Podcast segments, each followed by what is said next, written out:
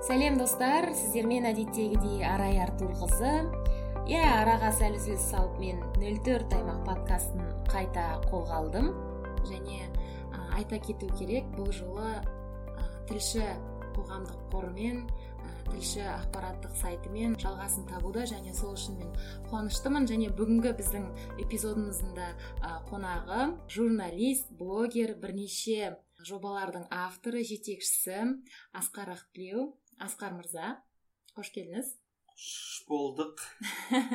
Көңіл күйіңіз қалай? Жақсы. Өте қуаныштымын.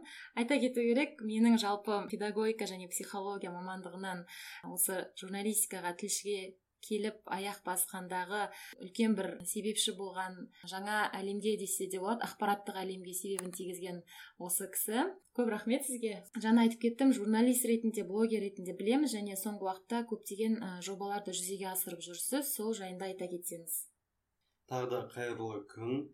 Арай осы подкаст жобаңа қуаныштымын. Алға баса бер. Жалпы қазіргі трендтегі бір формат қой сондықтан тек дами берсін. Рахмет. Дәл қазір менде бірнеше жоба қатар жүріп жатыр. Біз өткенде ауыл аймақтарға шығып медиа сауат бойынша тренингтер өткіздік. Төрт ауданға шықтық. Әлі екі ауыл бар. Екі ауылда жерге шығуымыз керек. Сосын нидерланды елші корольдігі елшілігінің қолдауымен қазір батыс өңірінің төрт облысын аралап жүрміз. Жартысынан астам өтті. Енді бір төрт бес кездесу қалды. Атырау ақтау орал қалаларында. Содан кейін дәл осы күндері тілші бокс деген жобаны қолға алдық. Ә, кішкене қайырымдылық элементтері бар. Жатып қалған оқылмай тұрған оқып тастаған кітаптарды біз жинап аламыз да бір мақсат топтарға таратып береміз үлестіріп аз қамтылған отбасы саяжайда тұратын оқушылар жастарға балалар үйіне жасөспірімдер үйіне өткенде біраз кітапты қарттар үйі мен ә, мүгедектер мүмкіндігі шектеулі азаматтар қоғамына тапсырдық. Олар қуанып қалды. Және бұл жоба тек кітаптарды жинап алып тарату емес соның төңірегінде контент жасау контент әзірлейміз кітапқа қатысты көптеген дүниелер біздің желілер әлеуметтік желідегі парақшаларда жарияланып келеді сайтта жариялаймыз. Ә, плюс жалпы кітап оқуға қызығушылықты арттыру. Мхм сол осы тілшінің қазіргі жасап жатқан жұмыстары параллельно сайт жүргіземіз интервьюлар ұйымдастырып жүрміз. Соңғы бір екі айда бірыңғай журналистерден көптеген сұхбаттар алдық. Тілші сайтында тілші медиа kz сайтында параллельно екі сайтта шығып келеді. Ә, біздің материалдардың дені ә, журналистің шығармашылығы жетістіктері емес көбіне пайдалы кеңес лайфхактарға негізделеді. Өйткені біз кішкене контент болса да кішкене болса да пайдасы болсын деп соған ден қойып келеміз. Медиа мектебі қайда? Мен оқыған мен білім алған. Әлде қазір ә, сұраныс аз ба? Жоқ медиа мектепке сұраныс бар. Мхм. Мен онлайн жүргізіп жүрдім. Офлайн тоқтағаннан кейін онлайн жүргізіп жүрдім. Бірақ ешқандай мән көрмедім де. Өйткені медиа мектеп ақылы болды. Мхм.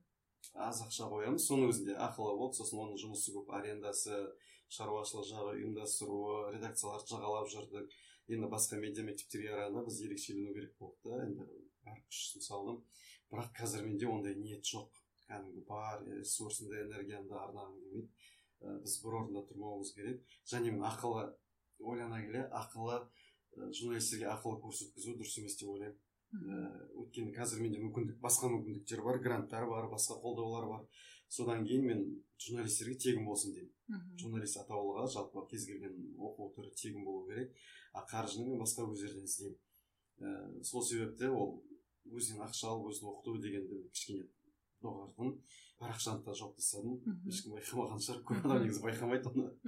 Ә, бірақ тілші деген атаумен тренингтер сериясы көп жүргізіліп келеді. Үсті үстіне жүргізіп жатырмыз. Қазір ақтөбеде онлайны офлайны басқа қалаларда қазірдің өзінде мен түркістан тараз ә, ақтау қалаларына бірнеше мәрте барып келіп жүрмін.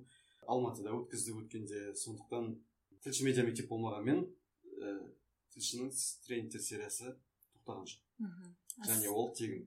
Қатысу. бірақ іріктеу іріктейміз өйткені ііі жай ғана бізге де сапалы қатысушы болған жақсы ары қарай пайдаланған жақсы дамыған жақсы. Қызығы үшін тек шай ішіп кету үшін адамдармен араласу үшін анда танымал адамдармен суретке түсіп кету үшін келгісі келетін адамдар көп. Мен фильтр міндетті түрде болады. Қазір соңғы шараларға мен пиар бойынша дайындап жатырмыз. Қазір назым жанғазиновамен оған іріктеу мықты болу керек. Өйткені қатысуға ниет білдірушілер көп. Маған енді саннан сапаға көшу керек. Тіпті маған қатты бір санға да қалай деп айтайын санға да бір мән беріп жатқан жоқ. Маған сапалы қатысушы болу керек. Мен жаңағы мемлекеттің алдында есеп бермеймін басқа тараптың алдында есеп бермеймін қатысушым көп болу керек мәжбүрлі жинап мәжбүрлі түрде әкеліп отырғызып қою керек деген менде ондай қағида жоқ. Маған бес адам келсе де тыңдайтын шынымен нәтиже шығаратын адам керек. Сондықтан соңғы шараларға соңғы кездесулерге мен іріктеуді күшейтіп жатырмын. Мәке сәке деген әлі бар ма? Жоқ ә, бар. Көп адам хабарласады таныстарға шығады. Асқармен сөйлесіп беріңізші біз қатысайық деп едік. Мен айтамын журналисттің арасында адам болмау керек делдал болмау керек тіке шықсын тіпті постта жаздым өткенде тап сөйтіп хабарласқан адамдарды мен бірінші кезек сызып тастаймын. Көңілге қарамаймын талай адамға да айттым жақын адамдарыма да айттым ренжімеңдер. Ол осы бастан сөйтіп араға адам салады сұрап берші қосып жіберші. Тіпті кейбір таныстар болады сертификат жасап берші дейді оқымайды көрмейді қатыспайды сертификат жасап берші не тұрады оған қолында тұр ғой дейді кешіресіз. Өзім қағидам сол мен ондай зат өткенде осы бір екі адам сұрады сондай зат сосын соңғы тренингімізде иә? Иә соңғы тренингте. иә. Ренжімесін деймін оған ренжімейді де шығар енді. Білмеймін ол жағын енді мен ойламаймын ар жағы қалай болады бірақ өзім қарсымын келу керек адам. Және осы тілші медиа мектебінде соңғы сауал болсын.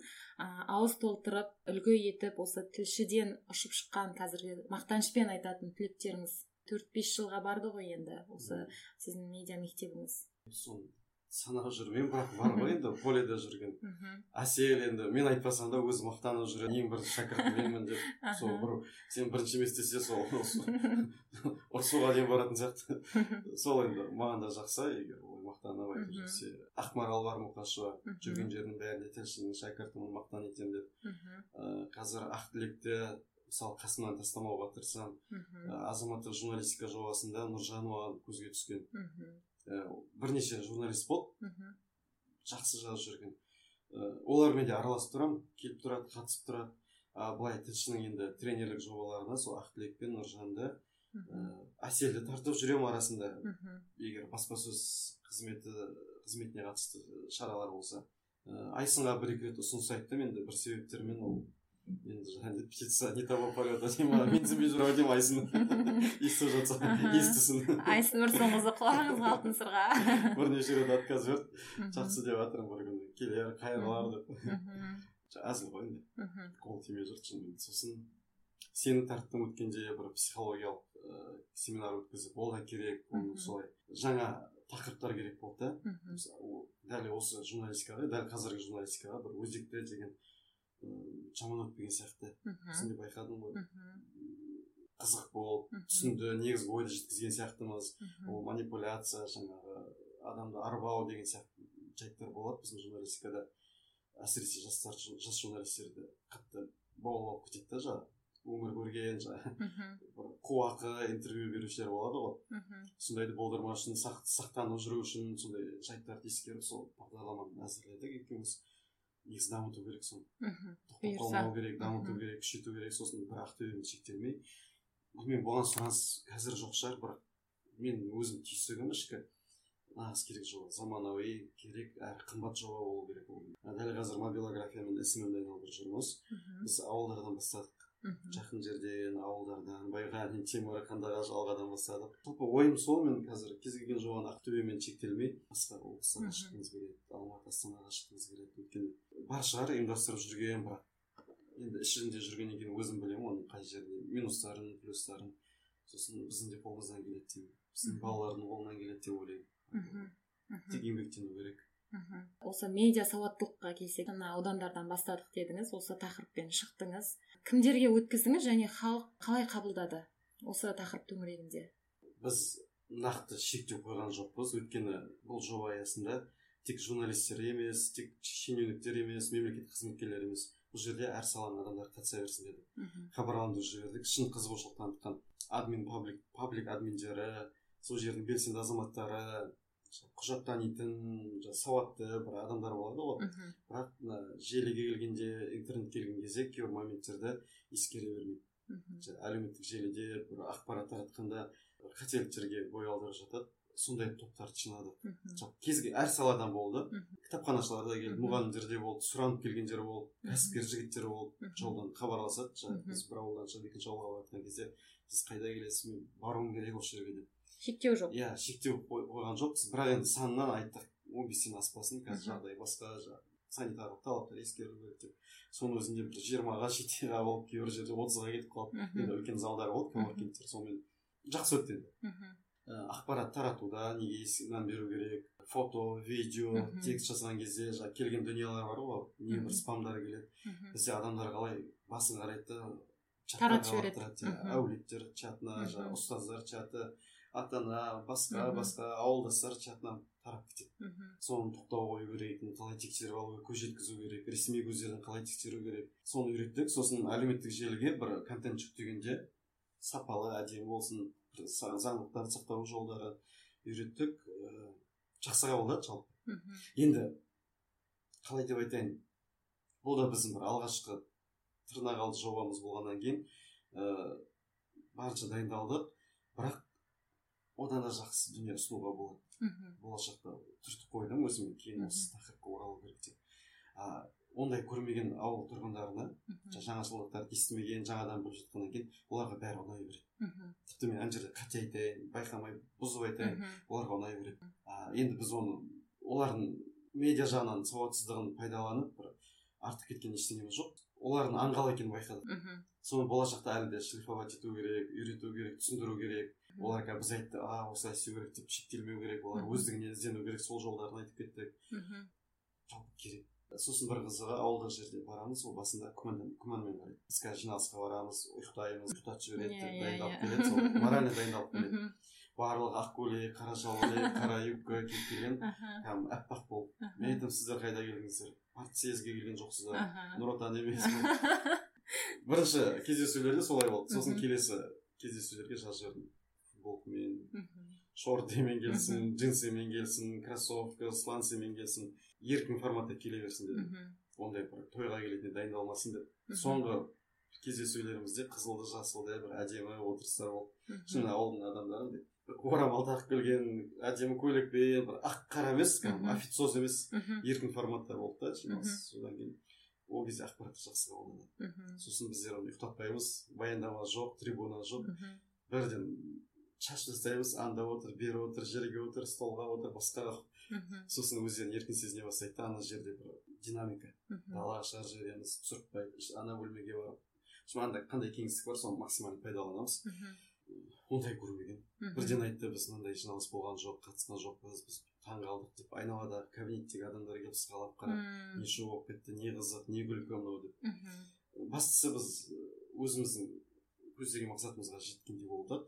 Оларға да. Оларға енді ұнай береді. Кез келген сырттан барған отырыс ұнай береді. Мхм. Бірақ енді оны түзеп айттық. Сіздер олай болмау керек. Өздеріңіз де қосымша мхм. Ауыл қала астана деген қазір түсінік болмау керек. Интернет барлығын теңестер жіберді мхм. Қолыңызда телефон контентті кез келген жерде отырып шығара беруге болады деп. Тағы бір сұрақ келеді. Сіз бұрын журналист ретінде көбірек танылған секілдісіз. Мысалы көп тақырыптарды қозғайтынсыз өзекті қазір сәл мынандай жобаларға кетіп алшақтап бара жатқан жоқсыз ба? Енді бәрі уақытымен ғой мхм мен журналистикада жүре бермес соңына дейін жүремін деп айта алмаймын мхм сосын заман өзгереді тренд өзгереді тенденция өзгереді. Неге сұраныс бар? Соның уақытында үлгеріп қалғым келеді. Мхм егер мен қазір сайт сайт бар енді. Формальный түрде сайт жұмыс істеп тұр. Мхм үлгергенімізше сұхбаттар ұйымдастырамыз. Онда да акцент жаңағы медиаға бағыт жасай бағыттаймыз да. Мхм былай әлеуметтік мәселелер көтеруге жаңағы қылмысы денсаулығы білімі басқасы оған уақыт жоқ. Мхм. Менде қазір мұрша жоқ кеше бір ай болды үй көрмегеніме. Жолда жүріп мен материал жаза алмаймын. Жаза аламын бірақ мен сапасы ондай болмайды. Мхм. Оның салдары қалай болады нәтиже қорытындысы. Енді кез келген материал жазғаннан кейін соңына жеткізу керек. А мен мынандай жағдайда ондай істей алмаймын. Мхм. Қазір мен бар күшімді сол өзім жеке жобаларға қойдым. Мхм. Сол жобаларым сапалы өту керек. Өйткені грант берушілер бар. Мхм. Олардың алдында да бір жауапкершілік сезінемін. Сосын аудитория енді білім бергеннен кейін оның сапалы болғанын қызықты болғанын есінде қалғанын қалаймыз иә бар күшім соған кетеді мхм. Ә, сайтты тоқтатпаймын. Сайт өлмейді. Мхм. Сайтты шамам келгенше жүргізе беремін. Мхм. Стажерларға араласады біз стажировкадан өтуіңіз керек деп университеттерде медиа мектептер жібереді. Сол оқушыларға тапсырма беремін. Солардың бағыт бағдар беріп солардың жазған дүниесін жариялап отырамын. Кейбір сұхбаттарымда мен сондай волонтерлар жазып беріп жатыр мен тек дұрыстап жаңағы дұрыс емес болса тағы түсіндіремін қосымша.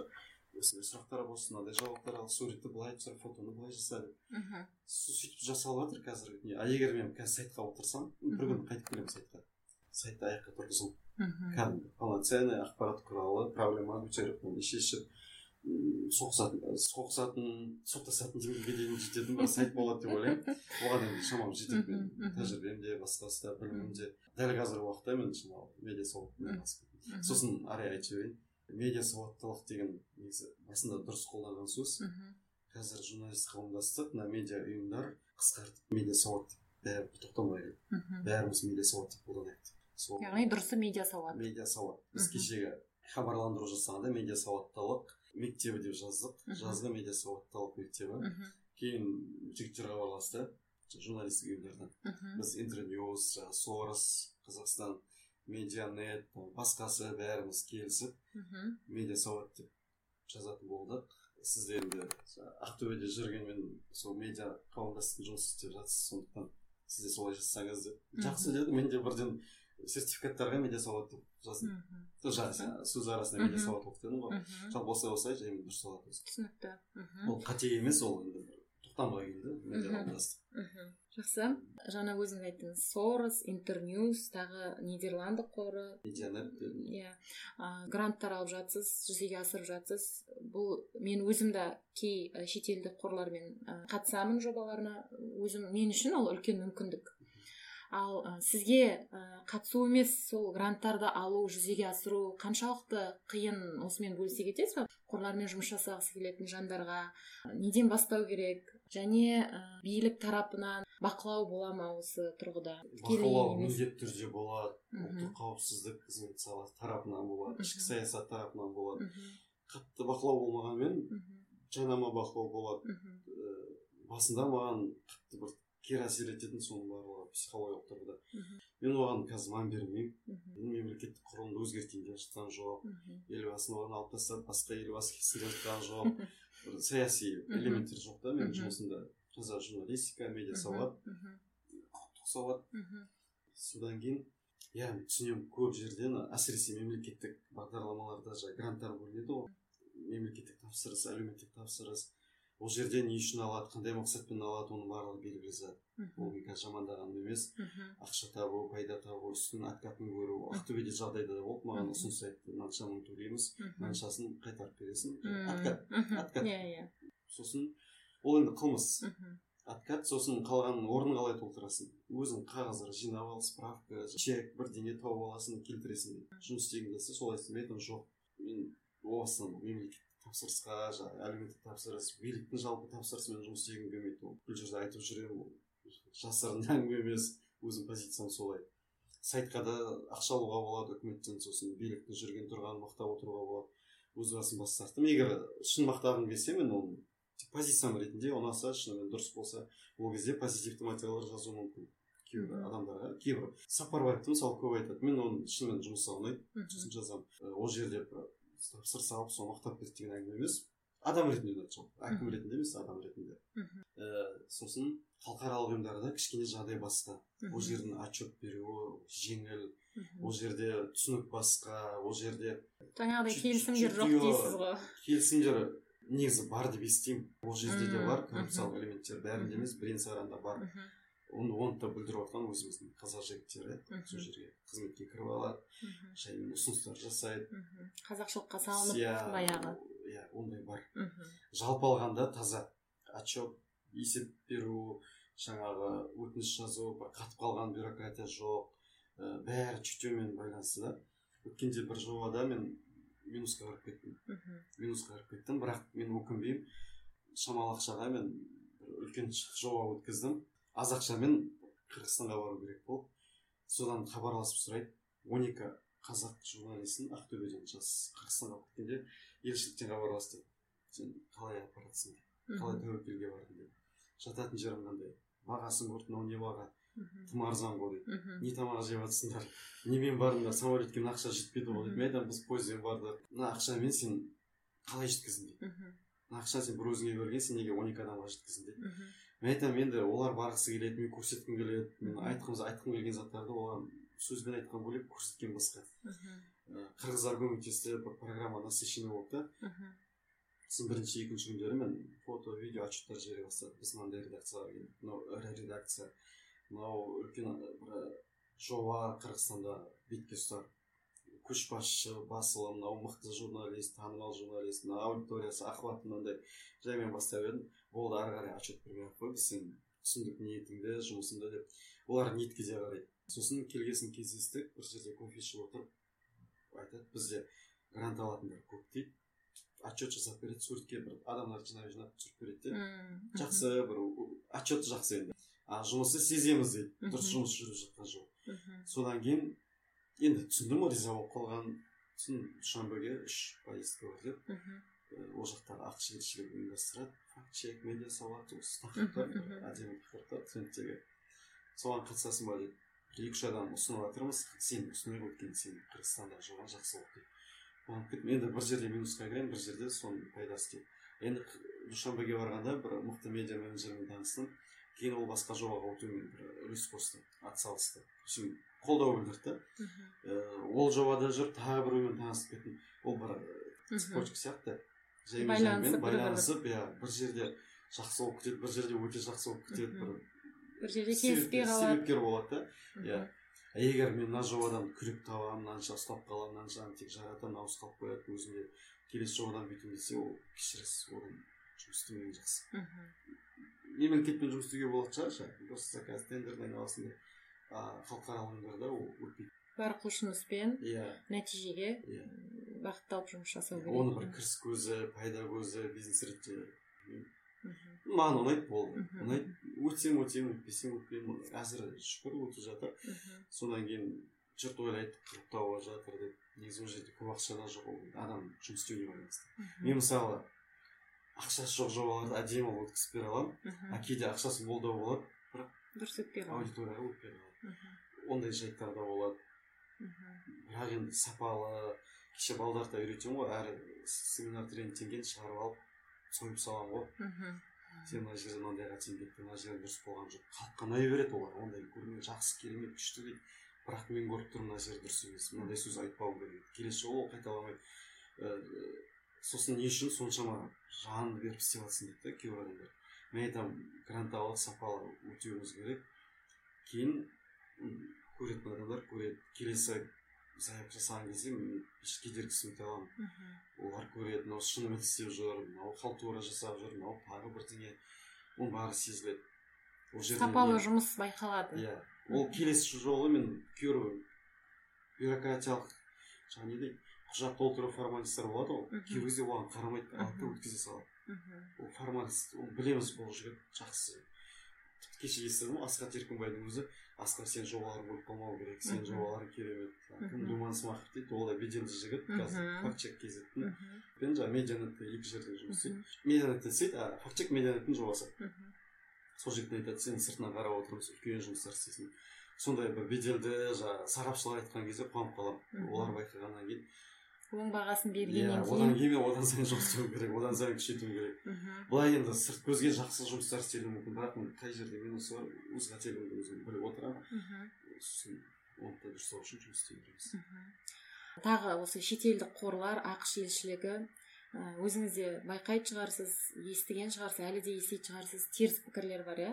Бұлардың басқа бір саясаты бар не үшін осылай келіп осындай ақша бөледі не үшін жастарды оқытады оның барлығы не қылған тегін нәрсе. иә. Осыған сіздің көзқарасыңыз қалай? Былай халықаралық аренада батыста европада үлкен қорлар бар. Үлкен қорлар. Билік қалай бір механизм енгізіп қойған сол қорларға олигархтар жаңағы үлкен компаниялар қаржы аударады оларға ә, салықты жеңілдіктер қарастырылған. Танымал жұлдыздар жаңағы. Кім малефицентаның рөліндегі анджелина джоли мысалы үлкен қаржы бөледі қорларға. Сәйкесінше олардың жеңіл салық жоғары ол жақта батыс елдерінде. Салықтық жеңілдіктер басқа жағынан жеңіл льготтар болады. Ә, сондай бір механизм істеп қойған да. Ә, сосын ол қорлар бір мақсаттар мақсатты түрде жұмыс жасайды. Олар демократиялық құндылықтарды дамыту керек дейді кейбір соғыс болып жатқан елдерде жаңағы ауру өршіп кетпей ма? Сол аурудың алдын алу үшін індетпен күрес әйелдердің проблемасы дейді балалардың денсаулығы деп өздерінің бағыттары бар. Соған мақсатты түрде қаржы бөледі жұмыстар жасайды жобалар. Ә, дәл біз медианың жағдайында ашық қоғам деген ұйым бар америкада. Мына фонд сорстар солмен байланысты менің білуімше. Сосын бұлар әлемдегі медиаларды дамыту керек деген қағидамен жұмыс жасайды ұстаным иә.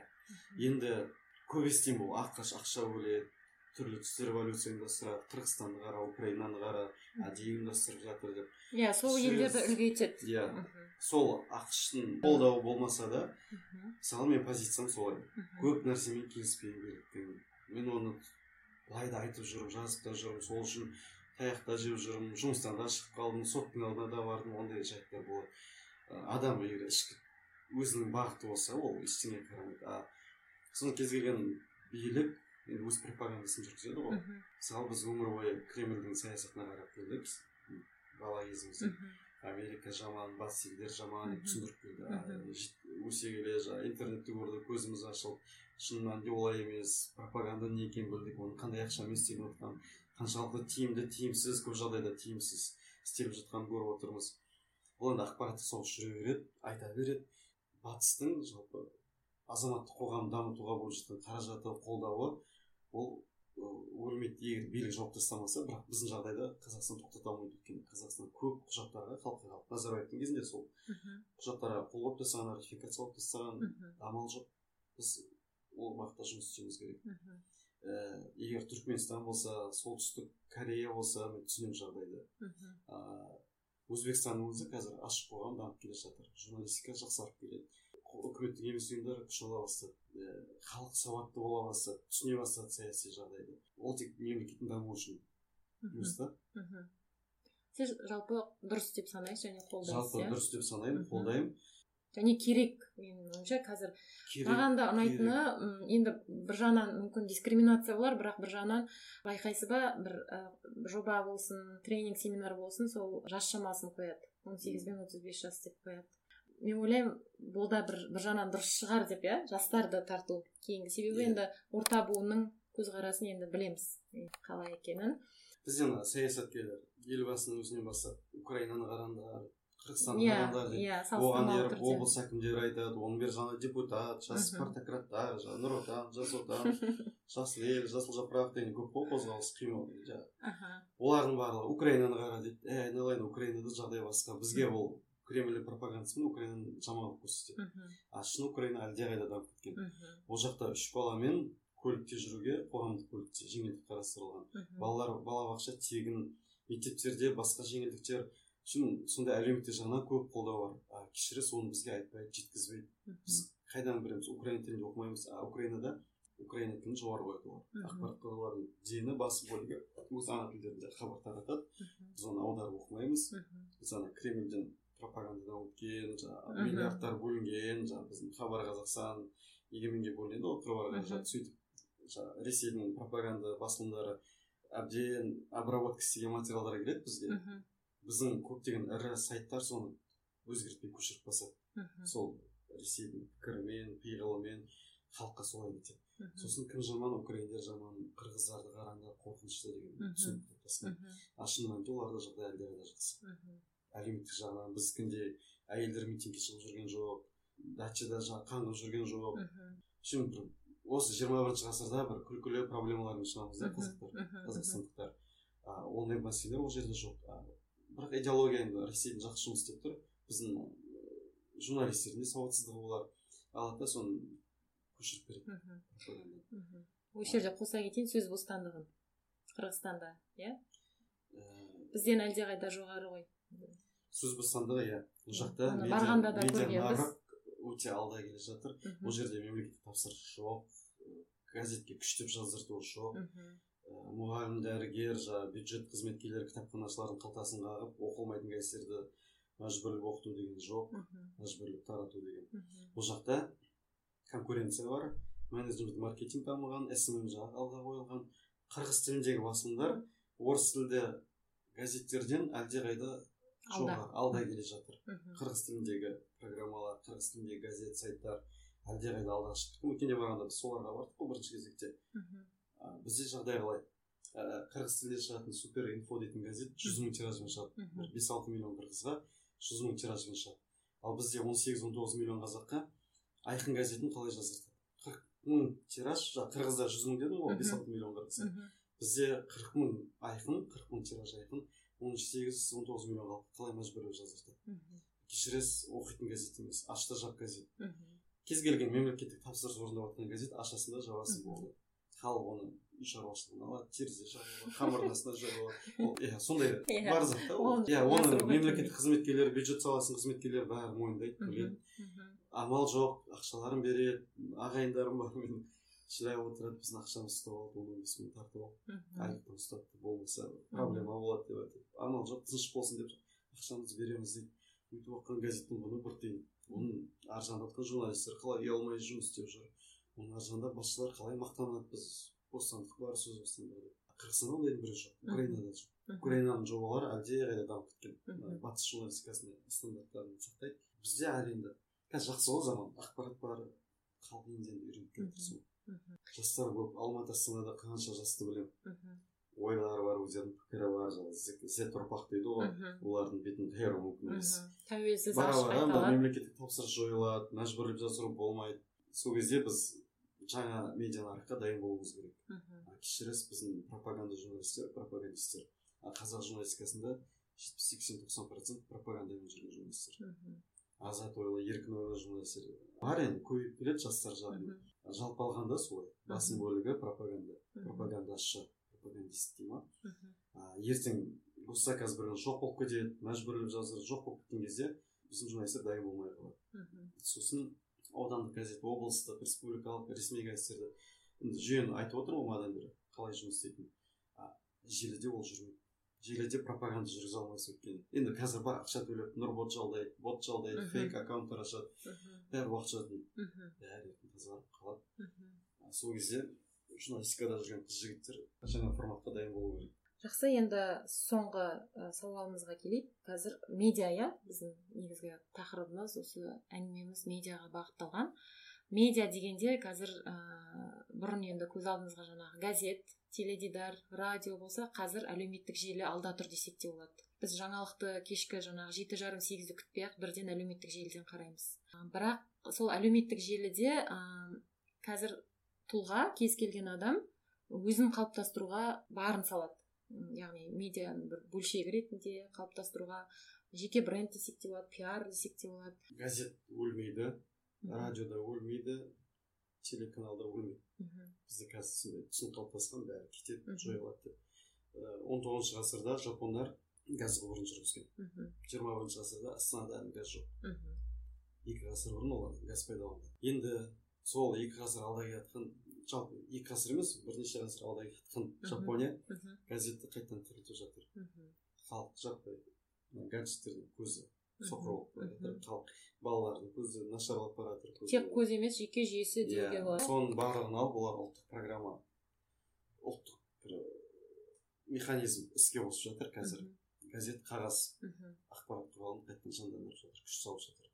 Олар ертең гаджетті лақтырады. Халық ұлттың денсаулығы үшін. Ұлттың денсаулығын алға қояды да жоғары қойып газетті қайтадан жандандырады. А біз гаджетке кіріп кеттік. Біз түбіне түсіп кеттік тұңғиығына енді айтып отырсың ғой радио газет телевидение деп. Олар қала береді? Негізі ақпарат құралдары солар дәстүрлі ақпарат құралдары солар.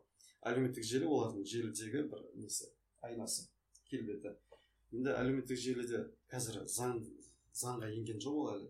Ақпарат құралы деп мойындалған ақпарат құралы деп танылған жоқ.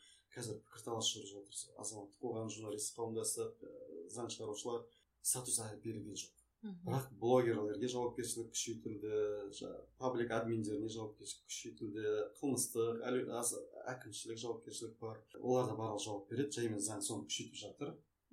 Ә, ол жерде енді бүкіл әлемдік тенденция ғой біз ештеңе істей алмаймыз. Біз әлеуметтік желіде жүруіміз керек. Көп жұмыс сол жерде бітеді. Көп үлкен компаниялар сол жерде жасалады. А пиар жаңағы бренд танымал болу ол кішкене басқа тақырып. Ол ол жаңағы социал медиа маркетингтің бір құрамдас бөлігі. Ол да біздің өміріміздің ажырамас бөлігі. Оған сұраныс жоғары қазір және сол бағытта да біз енді медиадан алыс кеткен жоқпыз. Сммді пиарды қосымша және енгізіп жатырмыз бағдарламаға. Қай жерге дейін шабатынымызды бір құдай біледі. Бірақ бастамасы жаман емес ол жерде танымал болу енді адам өзінің еркіне байланысты. Шынымен жұмыс істеймін кірісемін дамимын десе ол жерде де өзіне ат жасауға болады. Медиа тұлға болып қалыптаса алады медиа тұлға емес. Медийное лицо дейді қалай аударылады? Жалпы сол медианың төңірегінде танымал танымалдылық арта түседі да енді бизнес ол жерде ақша табу жаңағы лекция оқу ол басқа әңгіме деп ойлаймын. Жалпы инструменттерді пайдалану керек. Дәл қазір мен айтып жүргенім ол жерде коммерциямен айналыс ақша тап пайда көр демеймін. Мен мына біздің журналистикадағы контентімізді әлеуметтік желі арқылы көрсету сол жағына акцент қойып жатырмыз сату жеңілдік акция кірсіңе дегендерді мен қыз жігіттерге айтамын. Қолданбаңдар ол сөзді бізде журналистика журналистика таза болу керек тұнық болу керек және біз журналистік идеямызды желі арқылы жеткізуіміз керек. Сондай рамка болып асқар мырза біздің бірлескен жобамыз жалғасы болса да міне бүгіннен бастап ііі тілші аясында нөл төрт аймақ подкасты біздің тыңдармандарға айтарыңыз болса сонымен қорытындыласақ. Дәл қазір подкасттың аудиториясы өте аудиториясы ауқымы тар. Адам аз тыңдайды подкаст не екенін білмейтін адамдар бар. Жалпы ақтөбеден бастау керек подкаст не екенін оны не үшін тыңдау керек ә, форматтың ерекшелігін басымдықтарын көрсету керек түсіндіру керек насихаттау керек. Ә, подкаст мен үшін де жаңа тақырып. Жалпы подкасттың курстарын оқыдым мен. Интернеттен оқыдым басқа жерден оқыдым. Қалай жасалу керек қандай бағдарлама қосымша керек инструменттер оның барлығы теория жағынан білемін. Бірақ біз қолданбай жүрміз. Оған қолына тимейді. Кеше өзім бастама бітіргеннен кейін жалпы керек қазақстанда өткенде бір данныйларды оқығанда үш ақ процент қазақ тілінде подкаст бар дейді оның барына шүкір етеміз сапа жағынан әзір ештеңе айтпаймын. Барына шүкір ету керек иә. Сол үш процентті отызға жеткізу керекпіз ба он үшке жеткізуіміз керек па қазақ аудитория қазақ тілді. контент жасаушылардың яғни журналистердің блогерлардың қолында ол. Жалпы әлемде подкаст жақсы дамып кеткен көлік жүргізушілері көшеде жүгіріп жүрген адам видео көруге сотка шығуға шамасы келмейтін қолы тимейтін адамдар болады ғой жұмыс басы құлақ баса болады да подкастында подкастты сан алуан неше бір форматтары бар. Және соған келеді деп ойлаймын қазақстанда. Жақсы рахмет. Иә бұл ақтөбедегі алғашқы подкаст нөл төрт аймақ және бұл төртінші эпизод болатын. Ә, сіздермен болған нөл төрт аймақ подкастында қонақта журналист блогер және бірнеше керемет жобалардың авторы асқар ақтілеу. Көп көп рахмет айтамыз және осыған дейінгі эпизодтар мен басқа да ақпаратты подкаст нүкте ақтөбе инста парақшасынан көре аласыз.